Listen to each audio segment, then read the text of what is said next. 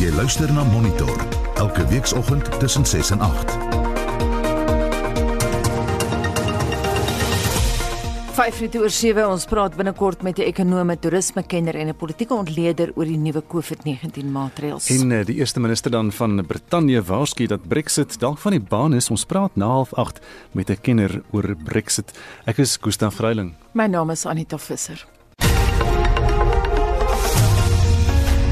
Dis 9 minute oor 7 uur by Monitor op RSG en vir luisteraars wat die nuus misgeloop het dan nou, as jy nog nie gehoor het nie, president Cyril Ramaphosa het gisterand gepraat en hy het beperkings ingestel op strande in die Oos-Kaap. Drankverkope word weer eens beperk, maar daar is geen interprovinsiale reisbeperkings soos wat baie mense gevrees het nie. Vir hulle reaksie hierop praat ons met die ekonom Dawie Rood van die Efficient Groep. Môre Dawie. Uh, Goeiemôre Anita en Gustaf.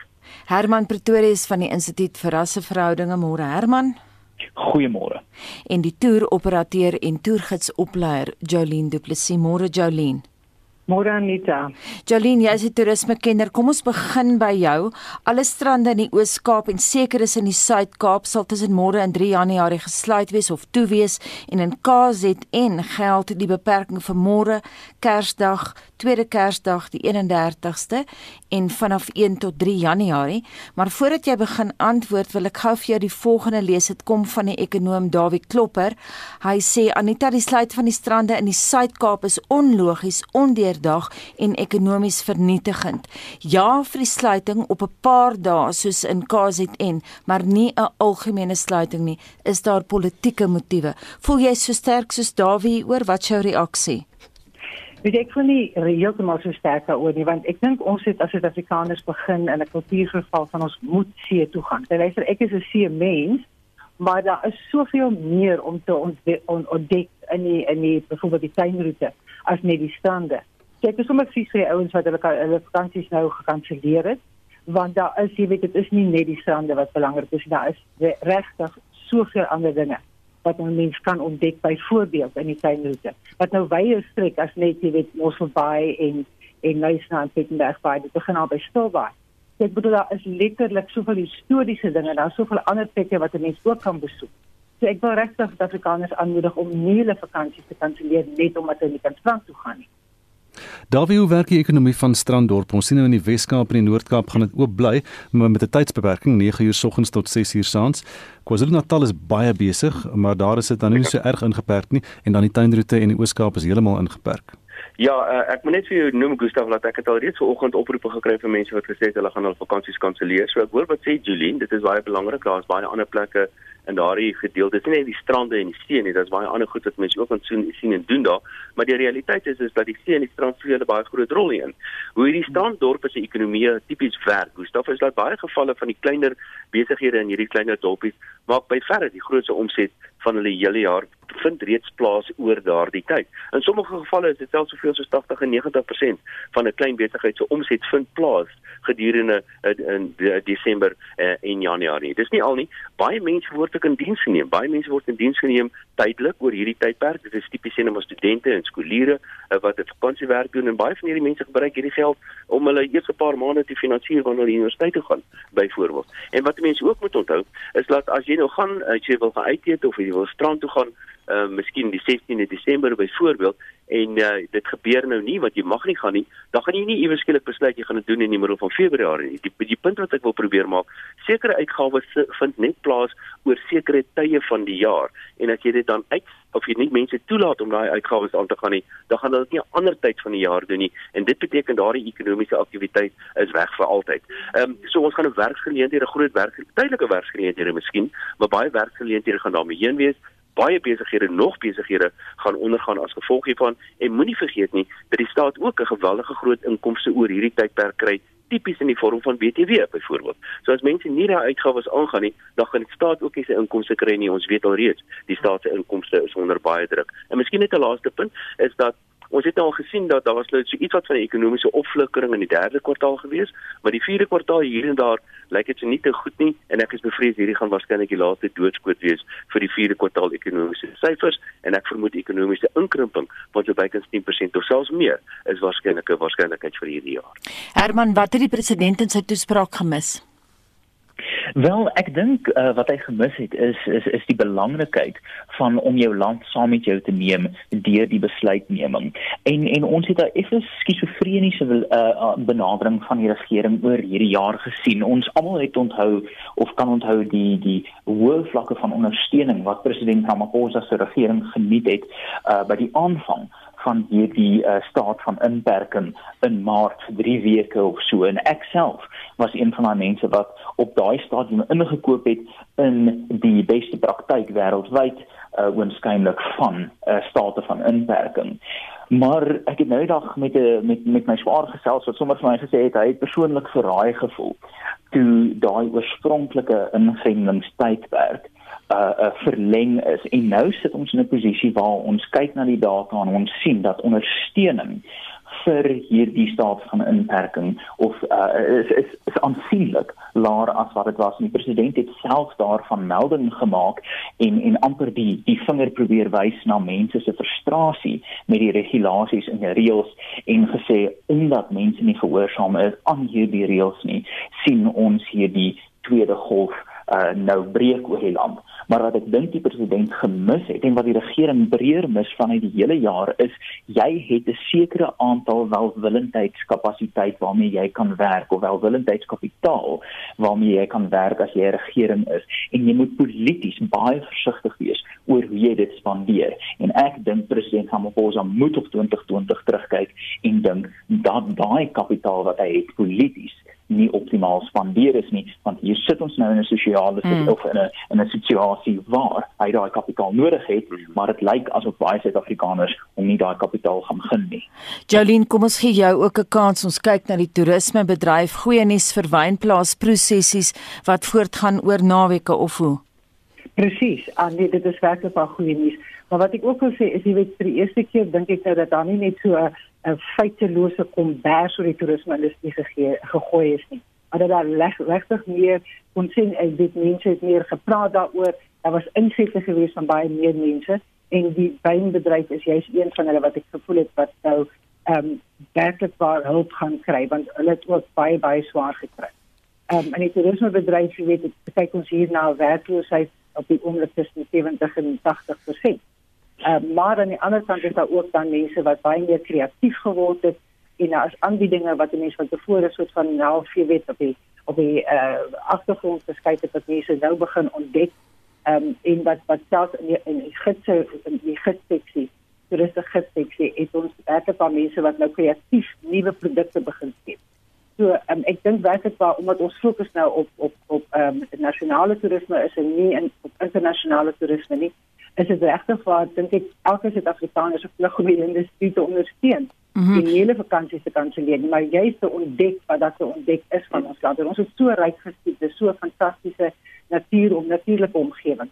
En dit is juist waar ons kan, jy weet, kan nou min slaan uit die dele staan. Mm -hmm. Vir luisteraars wat Jolien se pleidooi gemis het aan die begin van die onderhoud, moenie jou vakansie kanselleer as jy nie meer kan strand toe gaan nie. Daar's ander goed om te doen. Jolien, ek wil vir 'n oomblik by jou bly want dan kan Dawie daai syfer ontleed. Jy het nou gesê daar's 'n 80% werkloosheid in die toerismebedryf. Kan jy 'n syfer daaraan koppel?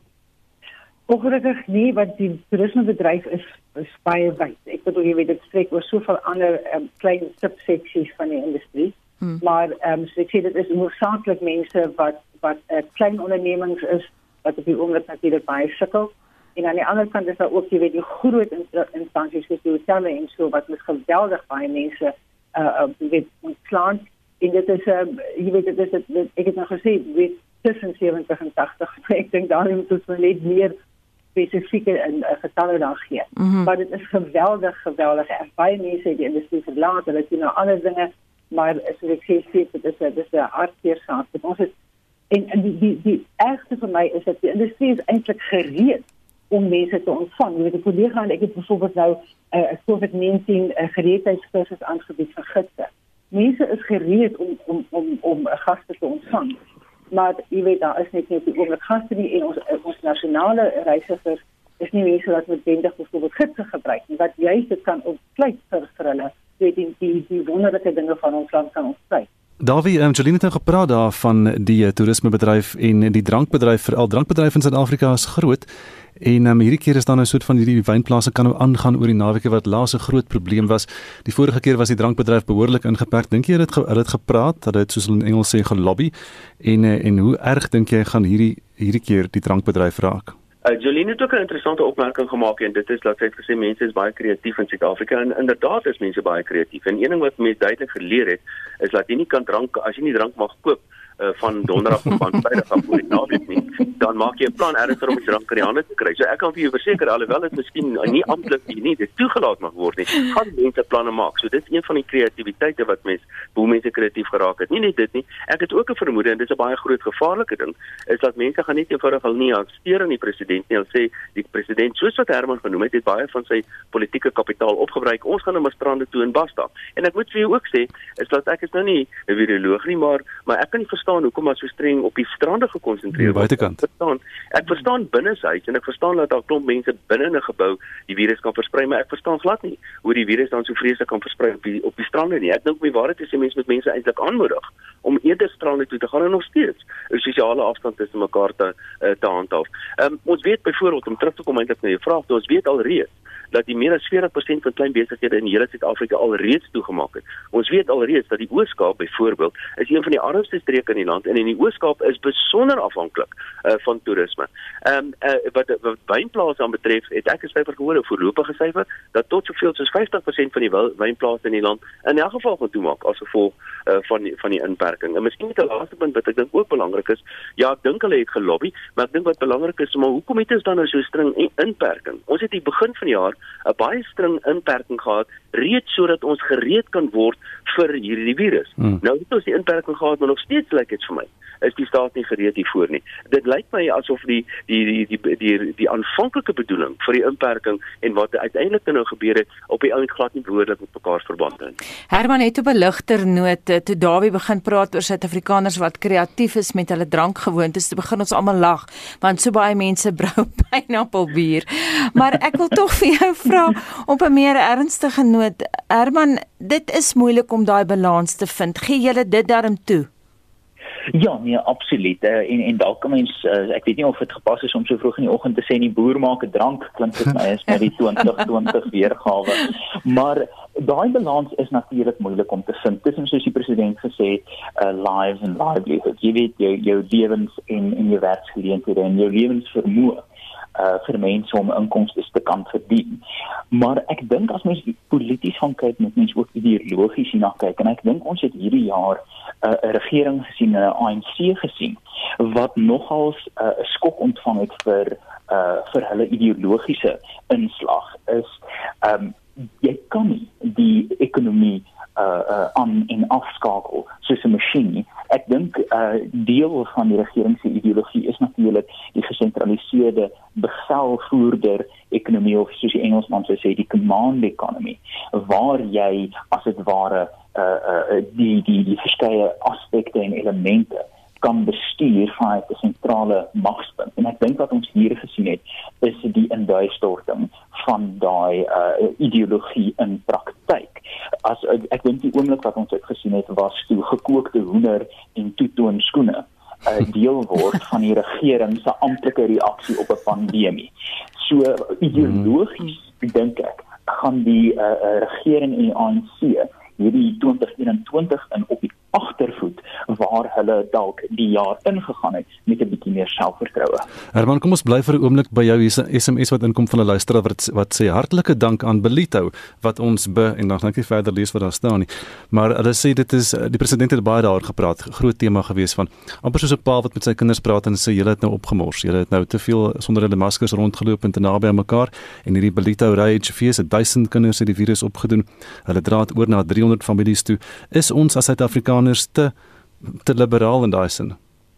Weet jy, um, ek ek ek, ek dink werklik nie so nie. Ek ek ek, ek, ek wil die dieselfde caveat uitspreek as Dawie 'n bietjie vroeër. Ek is nie ek is nie 'n kenner op hierdie tipe siektes nie, maar vir my is dit baie baie vreemd as 'n regering sy land se mense begin blameer as ons gaan kyk na wat die oorspronklike bedoeling was. Die bedoeling was nie hier om um nimmer eindigend hierdie uh, die verspreiding van hierdie virus te keer nie. So ons kan nie verbaas wees as mense dan die geleentheid kry en dan sosiaal verkeer en dan versprei die virus nie. Dit was van die begin af was dit die oog uh, oogmerk van die regering om die infrastruktuur daar te stel dat hierdie tipe um opvlammings as mens dit so kan noem wel deur die stelsel gehanteer kan word. So ek daai blam blaamspel wat die president 'n bietjie gister gespeel het vir al ten opsigte van die jeug, uh sit ongemaklik met my want ek dink jy moet op 'n stadium die realiteit in die gesig staar en sê mense moet net hulle lewens aangaan. Die vraag is nou,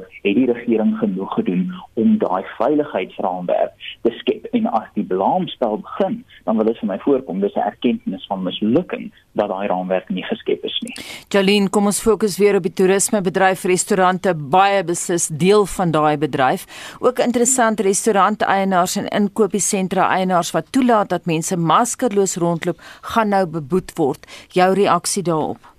baie bly daaroor want ek moet jou eerlikwaar sê die afgelope tyd het ek meer en meer gehoor van restaurante wat net doodgewoon onverskillig is. Mm. Ek dink nie ons het meer liberaal geword nie, ons het net meer onverskillig geraak. Mm en amper half die hele situasie uitgedaag van jy weet ek kan doen wat ek wil doen. Maar jy weet dit is nie die maskers dra daar soveel kleiner punte by restaurante wat in ag geneem moet word. Jy weet soos byvoorbeeld spyskaarte, jy weet daar is daar spesifieke protokolle om te sê hoe jy 'n spyskaart en hierdie staan vir mense moet aanbied. So dit is maskers dra ja, dit is sanitasie ja en dit is jy weet afstand en al die goed is ja, maar daar's ook kleiner punte. En dit is juist daarop wat ons ook moet let ehm um, dat restaurante da, weet daar ook 100% die die, protokolle volg. Ehm um, so restaurante dink ek in hierdie stadium is groot uh, is grootliks skuldig. Ehm um, hulle het net eenvoudig jy weet ek kan eintlik kan dit verstaan. Jy weet ek meen na die eerste grendeltyd het ons regtig baie ontsettend baie verloor wat restaurante aanbetref. Maar dit is ook by elke vakansieganger se plig om te kyk dat die restaurant sy ding reg doen. Mm. Jolene, ek is nou skieurig want ek het al 'n paar keer gaan uit eet hierdie jaar en ek word soos altyd die spyskaart aangebied. Wat is die korrekte protokol daar? Ehm um, eerste instansie moet jy nie papier spyskaart hê wat alreeds vir ander mense hanteer is nie. Ehm um, jy weet ons kyk na na jy weet die die chalkboards, jy weet die hmm. skryf wat die mense net dit opskryf of gelamineer. Ja, die gelamineerde is 'n bietjie van 'n probleem want mm -hmm. restaurante se spyskaarte verander mos nou elke nou en dan. Mm. Maar ek was nou onlangs in 'n restaurant, een van die min kere wat ek onbekostig om te gaan. En daar ehm um, ek was daar die die ehm um, counter het my net 'n uh, papier gebring wat ek duidelik al, jy weet gesien het hanteer is. En ek het net eenvoudig gesê ding op die tafel neer, ek gaan jou nommer raak. Mm. So ek bedoel dit is en die die die, die counters moet natuurlik ook die spyskaarte goed genoeg ken. So dis so min as moontlik, jy weet uh, wat daar wat daar uh, uh, papier moet aangeraak word. Ek hoor daar is ook restaurante wat hier staan die tegnologie baie goed gebruik dat jy ja. regtig al nie nodig het om om van die goed te hanteer nie. So dit basies maar die hele ding van van uh, sanitize, jy weet jy moet weet dat hierdie is nie 'n uh, 'n uh, 'n uh, uh, virus wat in die lug rondsweef nie, hy lê op oppervlakte en alle oppervlaktes moet die hele skoon gemaak Daar wie hierdie is 'n groter punt want dit gaan oor eh, dis nie die restaurante nie, dis ook die winkelsentrums, dis ook kantoorgeboue, dis ook openbare vervoer. Dis asof hulle nou die eienaars of die bestuurder in die openbare vervoer hulle wil hulle verantwoordelik hou vir ander mense se gedrag.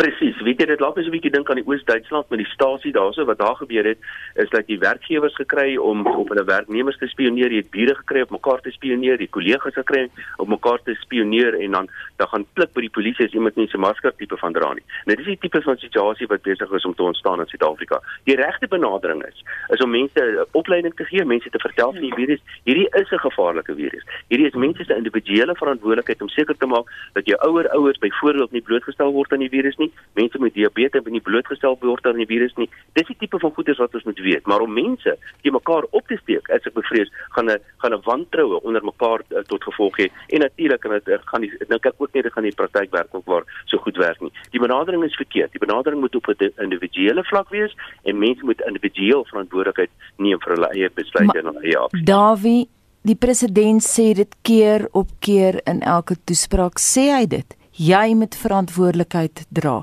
Jy moet verantwoordelikheid neem. Jy kan ander mense siek maak. Korrek. Hy Daarom sê dit. Verantwoordelikheid. Natuurlik moet ons verantwoordelikheid neem daarvoor. Maar ek meen wat kan hy nog doen as om dit in toespraak na toespraak te sê? Maar hy kan ons kan maar ma, ta, Anita, hoeveel mense kry die virus net so te loop? Ek ontleed hierdie syfers elke dag. Die mm -hmm. die belangrikste rede hoekom is hierdie toename in die virus vandag kry is omdat die mense meer mense toets. Dit is die rede hoekom die meeste mense. Dit is 'n gevaarlike virus. Ons moet op 'n individuele vlak verantwoordelikheid neem daarvoor. Die president is reg wat dit dan betref, maar die president is verkeerd om vir my te sê ek mag nie strand toe te gaan nie. Dit is my hmm. besluit of ek strand toe mag gaan of nie. Kom ons gaan na Herman toe. Herman, belangrike punt wat gemaak is oor maskers in taksies. Hier in Johannesburg word dit nie gedra nie. En daar word nou gesê dat uh taxi eienaars sal nou ook, jy weet, verantwoording moet doen vir mense in die taxi wat nie daai maskers dra nie. Maar elke Suid-Afrikaner weet, baie van die taksies doen wat hulle wil. Ons weet dit. Ons sien dit elke dag op ons paaie. Hoe op aarde gaan jy daai wet toegepas kry as van die taksi mense die polisie dreig? Kyk, uh, Anita, ek dink jy jy uh, identifiseer absoluut daarso die kwessie van die die praktiese uitvoerbaarheid uh van klomp van die regulasies. En ek dink um dit dit speel 'n bietjie in op Dawie se punt is dat jy jy jy benader hierdie uh, uh individuele uh, verantwoordelikheid amper van twee perspektiewe. Een vanuit die perspektief dat dit is die verpligting van die individu om hulle self verantwoordelik te gedra, maar die tweede een is dat jy het regtig nie as 'n regering 'n ander opsie nie as om die individu ehm um, oor te laat as dit die selfpolisieeringsmeganisme in die samelewing nie, want daar bestaan eenvoudig nie die infrastruktuur om die vinger te wys vir hierdie individuele uh, gevalle nie. En ek moet sê dat ons wat ons wel moet onthou hier is dat daar was al meer uh, uh, ek ek dink byvoorbeeld aan die love life uh, stel tog uh, rondom vigs van so 20 jaar gelede waar uh, uh, beskermingsmaatreëls sterk aangemoedig was en 'n groot klem was gelê op die opvoeding van die risiko van HIV vigs en seksuele aktiwiteit. Ek dink parallelle met so 'n opvoeding selfpolisieerings situasie sal dalk beter uh, uh, uh, as dit ware afgaan met die bevolking hier in Suid-Afrika want ek is minstens onbewus van enige gevalle waar polisie daai love life in in in uh, voorbehoedmiddels uh, uh, deur een of ander vorm van intervensie afgedoen het want ek dink dit sou dalk tot ongemaklike uh, situasies uh, gelei het. Maar ek dink regtig die praktiese kwessie hier wat jy noem met die taksies is baie belangrik om te oorweeg kan mens ek dink as jy 'n regering is dan moet jy jouself afvra kan jy nie net reëls maak wat sinvol is nie maar kan jy reëls maak wat die realiteit koppel aan waar jy wil uitkom? En ek dink baie van hierdie reëls het nie daai realiteitskoppeling nie. Ons gesels oor die president se toespraak van gisterand met die strenger inperkingsmaatreëls in COVID-19 tyd en ons praat net hierna verder met Davie Rood, Herman Pretorius en Jolien Du Plessis. Jy luister na Monitor elke weekoggend tussen 6 en 8. Sopas half 8 en in die nuus twee topwetenskaplikes van Suid-Afrika en Amerika word gesamentlik vereer. 'n Eerste besending en stof vir Suid-Afrika kan reeds vroeg in die nuwe jaar hier by ons wees. En die eerste minister van Brittanje waarsku dat Brexit dalk van die baan is. Ons praat met 'n politieke ontleder daaroor later vanoggend.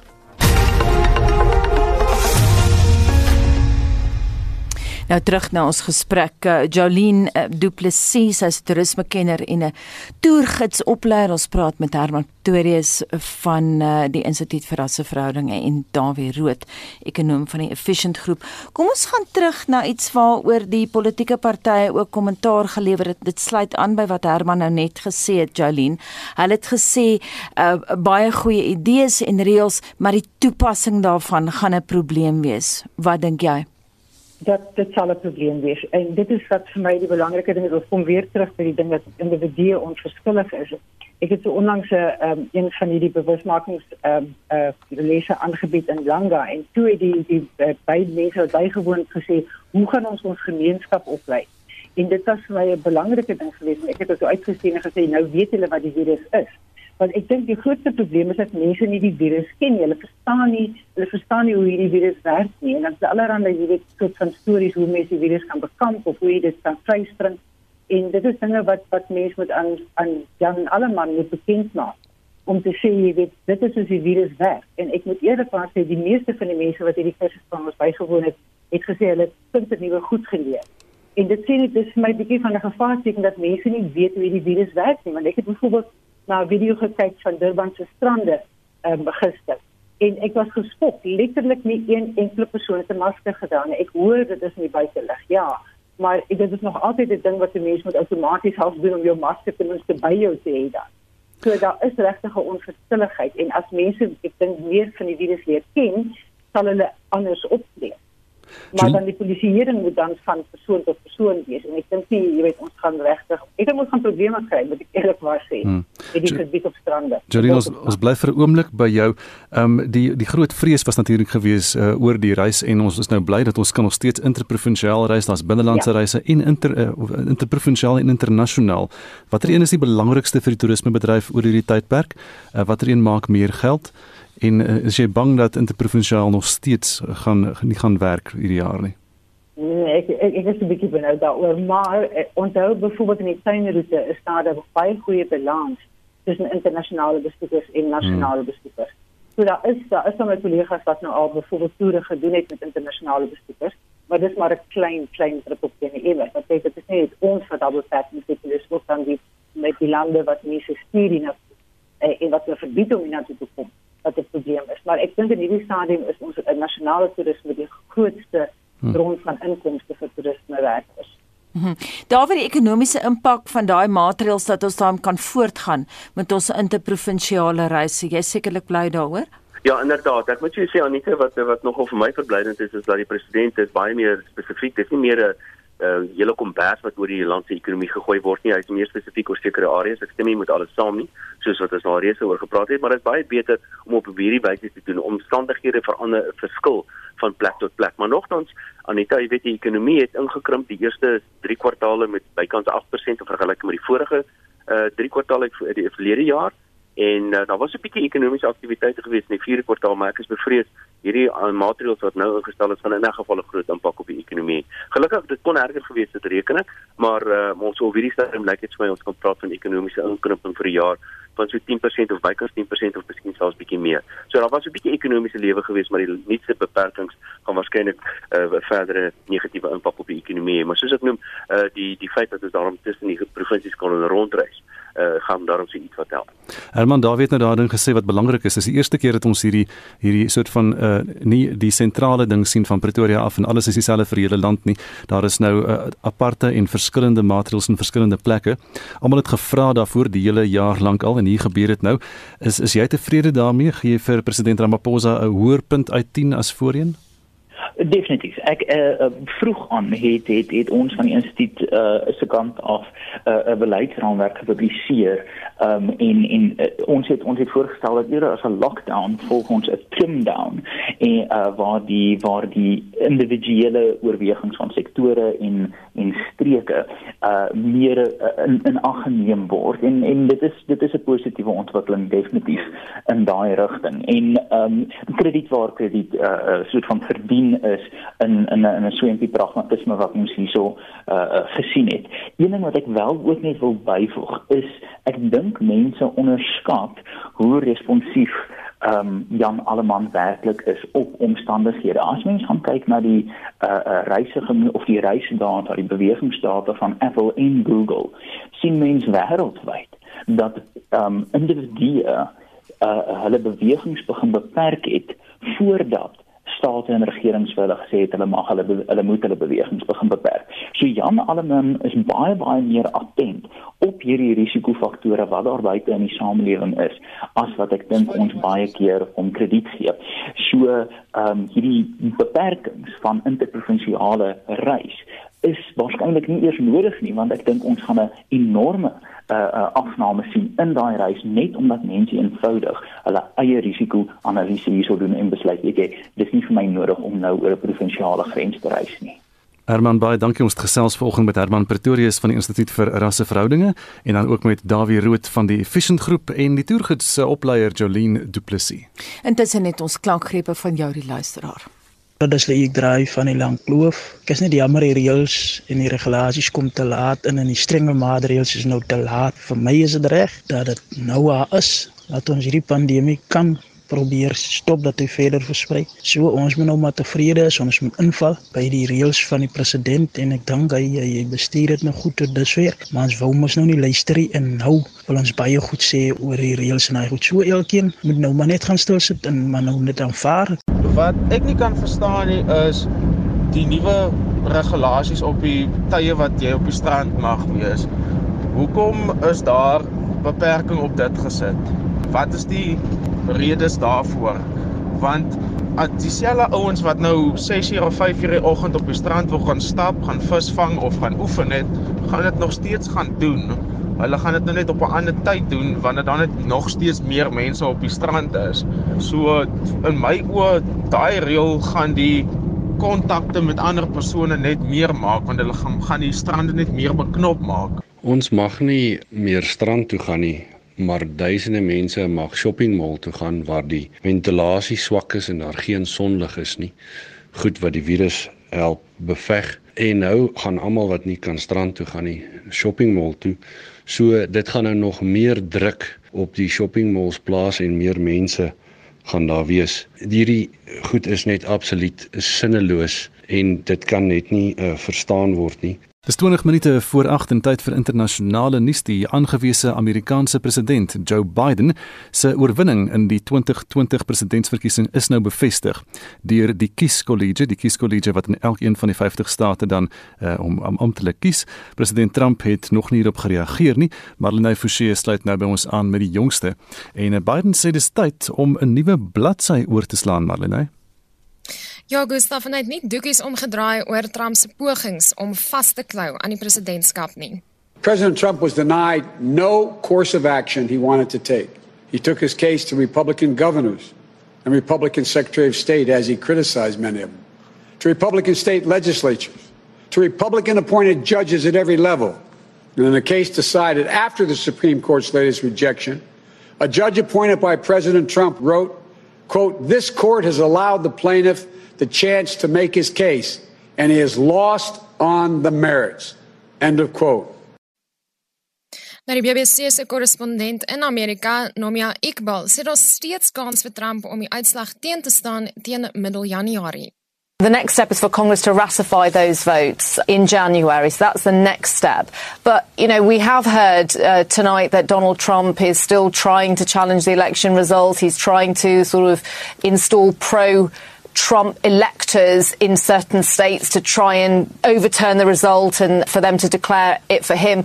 But if you speak to legal experts, there is a bit of a collective eye roll. Intussen het Trump op Twitter gesê die land se prokureur-generaal William Barr gaan uittreë voor Kersfees, maar Barr se termyn sou eers die 20ste Januarie eindig. Maar spanning tussen Trump en Barr bou nou reeds vir 'n geruime tyd lank op nadat Barr gesê dat geen bewyse van wydverspreide verkiesingsknoeiery gevind kon word nie. En nou na internasionale koronavirusnuus, Amerika het intussen sy 300 000ste COVID-19 sterfte aangeteken. Dit terwyl die eerste inentings gister in New York toegedien is, 'n verpleegster in die intensiewe sorgeenheid van 'n hospitaal in New York, Sandra Lindsay, het die eerste inenting ontvang en sy wil help om vertroue in die middel te bevorder. I feel hopeful today, relieved.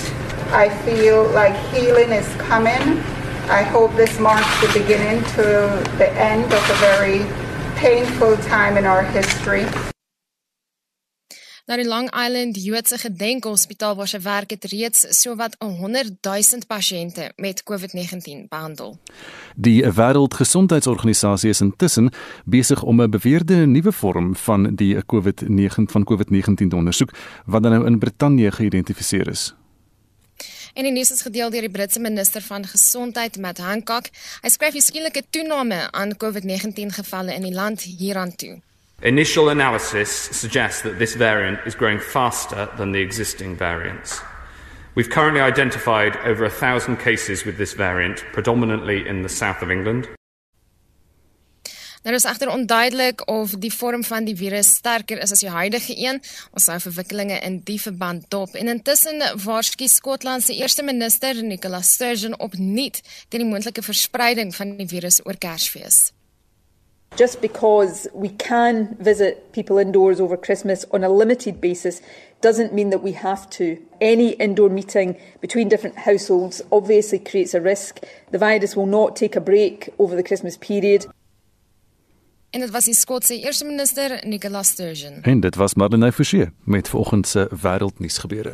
En dit was 'n baie mooi Skotse aksent. We will not take a break. Jy het 'n breek. Ons gaan net Ons gaan nou na iets anders toe Sondag se spertyd vir 'n Brexit ooreenkoms het gekom en gegaan met 'n duidelike stylverskil tussen die Europese Kommissie president Ursula von der Leyen en Brittanje se premier Boris Johnson. Nou alhoewel von der Leyen glo ooreenkoms is nog haalbaar voor 31 Desember, is Johnson pessimisties. Trouwens, hy waarsku dat 'n no-deal scenario 'n groot waarskynlikheid is. Vir sy ontleding daarvan praat ons nou met die politieke wetenskaplike Roland Henwood van die Universiteit van Pretoria. Goeiemôre Roland. Goeiemôre Anita. Hoe's jou Skotse aksent? Kan jy sê I'm taking a break?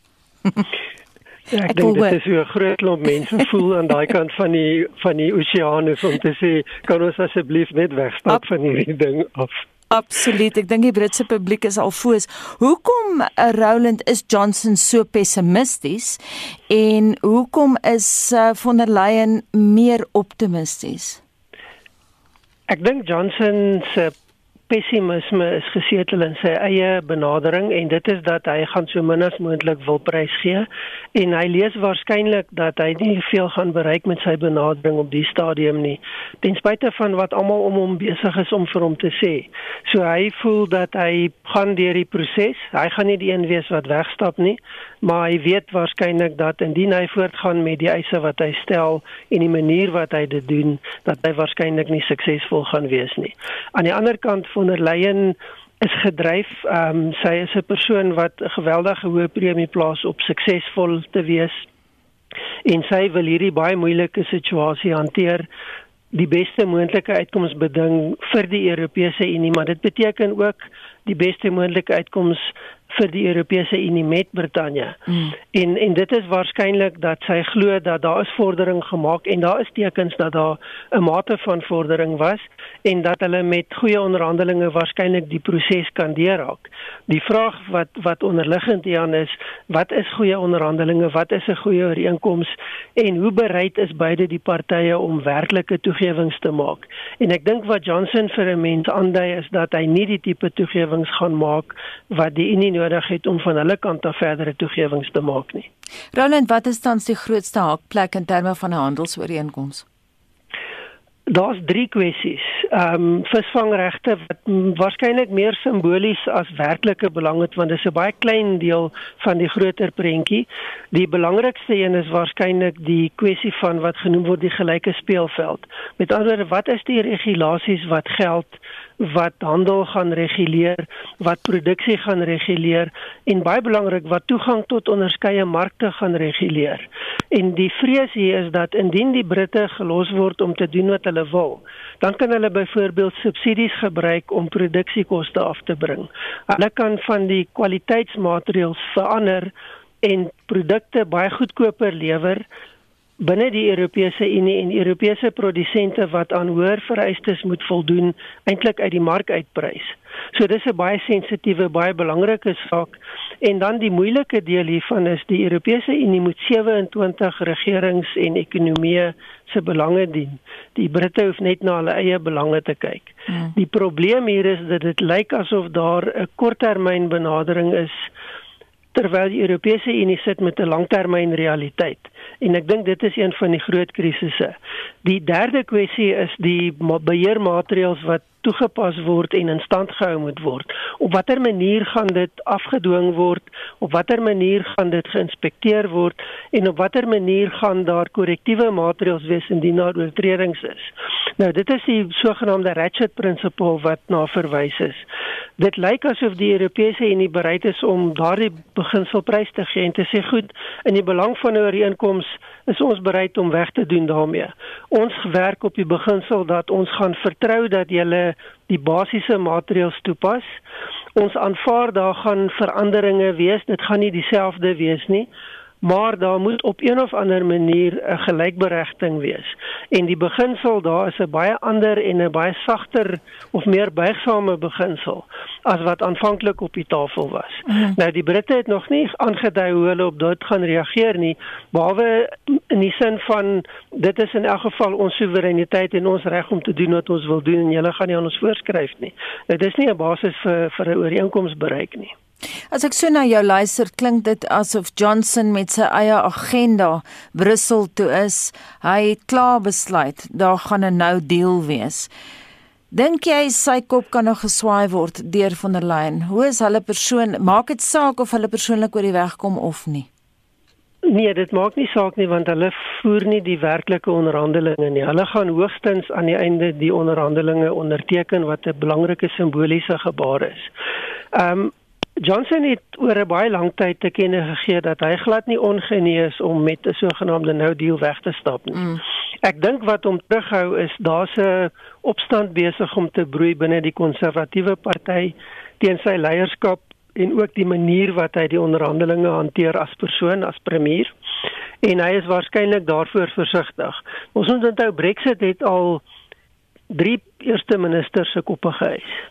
Hmm. So hy kan baie maklik die volgende een word en hy is die primêr aanspreeklike persoon want hy het die Brexit debat in die konservatiewe party gelei en gedryf. Hy het dit gedryf in die tydperk van sy voorgangers en hy kan baie maklik ook die slagoffer word van hierdie dinamika.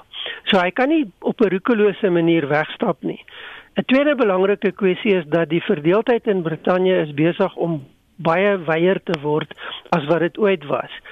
Ehm um, die aanduidings nou is dat die Britse publiek 52% vir die Europese Unie en 38% vir Brexit is. Dis 'n baie groot swaai hmm. weg van Johnson af.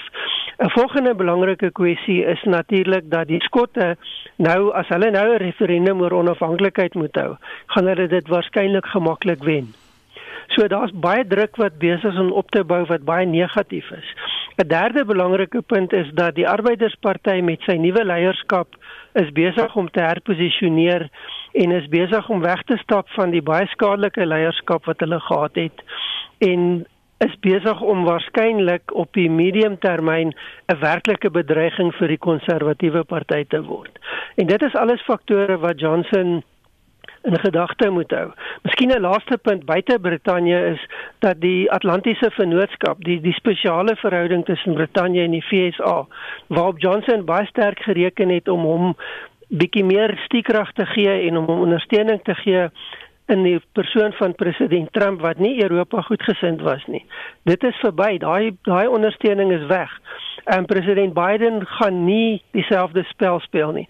Hy het reeds aangedui dat hy geen ooreenkoms gaan ondersteun wat die Ierse vrede in gedrang bring nie. Ehm um, dis 'n groot boodskap vir Johnson dat die FSA gaan baie versigtiger en anders na hierdie ding kyk as uit die oogpunt van Britse belange. Hulle gaan kyk na Ierse belange, hulle gaan kyk na Europese belange en dit beteken dat Johnson tot 'n baie groot strewer is. Mm. En en daarom kan hy nie bekostig om gesien te word as die persoon wat hierdie onderhandelinge gesink het nie. Die probleem is hy het homself bietjie in 'n hoek toe geverf, want hoekom hy uit hierdie sterk antiposisie en sy sterk klem op soewereiniteit mm. sonder om te sien gesien te word dat hy toegee aan Europese eise en dat hy onbetroubaar was in terme van dit wat hy onderneem het om te doen. Kom ons kyk na die politieke oppositie. Het nou baie gepraat van 'n teenstand van binne sy eie party, maar die Arbeidersparty se Rachel Reeves het hierdie week gesê sy vrees 'n nou deal. Baie sterk woorde om te gebruik. Uh wat sal die langtermyngevolge vir Brittanje wees as daar geen ooreenkoms met die Europeërs bereik kan word nie? Wel, die onmiddellike effek is dat daar is nog 'n kort oorgangsmaatreël van so 6 maande rondom sekere ehm um, regulatoriese en formele douane kwessies. Maar dan is dit verby en en die reëls wat geld is die wêreldhandelsorganisasie reëls. Dit beteken daar's geen beskerming vir enige party. Daar is ehm um, dit is heel moontlik om allerlei kostes en tariewe te hef wat wettig gaan wees. Dit gaan beteken dat dit vir Brittanje baie duur gaan word om met Europa handel te dryf. En Brittanje se grootste mark is Europa, nie andersom nie. So dit gaan baie moeilik vir die Britte raak. Ehm um, die verwagting is dat hulle onmiddellike BBP met 2% gaan daal. Nou dit klink min, maar dit is 'n geweldige groot klomp geld wat ter sprake kom van 'n se groot ekonomie. Saam met die COVID impak op die ekonomie en die mense, daar word gepraat van tot 6 miljoen meer werklose Britte binne die eerste jaar dit is in 'n omgewing waar daar reeds hoë werkloosheid is. En dan het jy dalende regeringsinkomste, so jy kan nie jou maatskaplike programme finansier soos wat jy dit sou gedoen het nie. So die die onmiddellike ekonomiese impak en die koste-effek op die Britse publiek gaan dramaties wees. En dit gaan waarskynlik die ondergang van Boris Johnson wees as sy eie party nie sy ondergang word nie. Hmm, en die impak op die Europeërs laastens? Die Europeërs gaan ook negatief geraak word. Hulle maklike toegang, hulle maklike ehm um, gemaklike handel, byvoorbeeld visvang wat 'n belangrike simboliese voorbeeld is van hierdie verhouding, maar ook 'n werklike voordeel inhou. Dit hou op, maar die Europeërs kan waarskynlik baie makliker ander bronne kry, ander markte kry om hulle te voorsien as wat die Britte afsetgebiede gaan kry wat die omvang van die Europese Unie se mark kan vervang. En en daarom is die Europese Unie waarskynlik in 'n baie sterker posisie as wat Johnson is en dit is baie moeilik om te sien hoe hy uit gaan kom sonder om werklike toegewings te maak. Ons sal beslis dop hou wat gebeur. Ons het nog tot 31 Desember tyd dit dan die politieke wetenskaplike Roland Henwood van die Universiteit van Pretoria. En 'n laaste kans om te luister na ons stemboodskappe. My naam is Gerrit Pretorius. Ek is die spreker van die George munisipaliteit. Die sluit van die tuinroete stande gaan alle logika te bowe en dit is 'n enorme ekonomiese aanslag op alle ondernemings in hierdie area. Ek weet dat premier Wendy, die burgemeesters en die rampbestuuramptenary alles moontlik gedoen het om te bewys dat dit nie nodig is nie. Te midde van dit bly besoekers baie welkom om die unieke toerismegeleenthede en die gasvryheid van die tuinroete te kom geniet. Ek uh, wonder sommer wat doen hulle met al die mense wat uh, by die karavaanparke bymekaar kom die tyd van die jaar en wat maar op die strande gaan lê deur die dag. Al die mense bly bo op mekaar en gebruik selfe badkamers ensovoorts. Dis lief wat ek is afhanklik van 'n taxi een keer in 'n maand. Ek het nie ander vervoer as dit nie. En ek moet vir jou sê, daar's 17 in 'n taxi en van daai 17 is dit net 2 of 3 wat dit aan het in daai taxi is gepak. Marlene, hoe lyk die dagboek vir Spectrum later vanmiddag? Statistieke Suid-Afrika maak die werkloosheidssyfer vir die 4de kwartaal bekend. Vragmotorbestuurders hou 'n optog na die nasionale bedingingsraad oor die brand van vragmotors en moord op bestuurders en die borgtog aansoek vir een van die omstrede Bushiri egpaar se mede-beskuldigdes stuur voort. En ons groet namens ons waarnemende uitvoerende regisseur, hy is ook die man in die warm stoel vir oggend Wessel Pretorius, ons produksieregisseur Lewona Bekes, my naam is Anita Visser. Praat saam is volgende op RSG met Lenet Fransis Puren net na die 8 uur nuus. Ek is Gustaf Vreiding en ons groet dan van Monitor tot môreoggend om 6.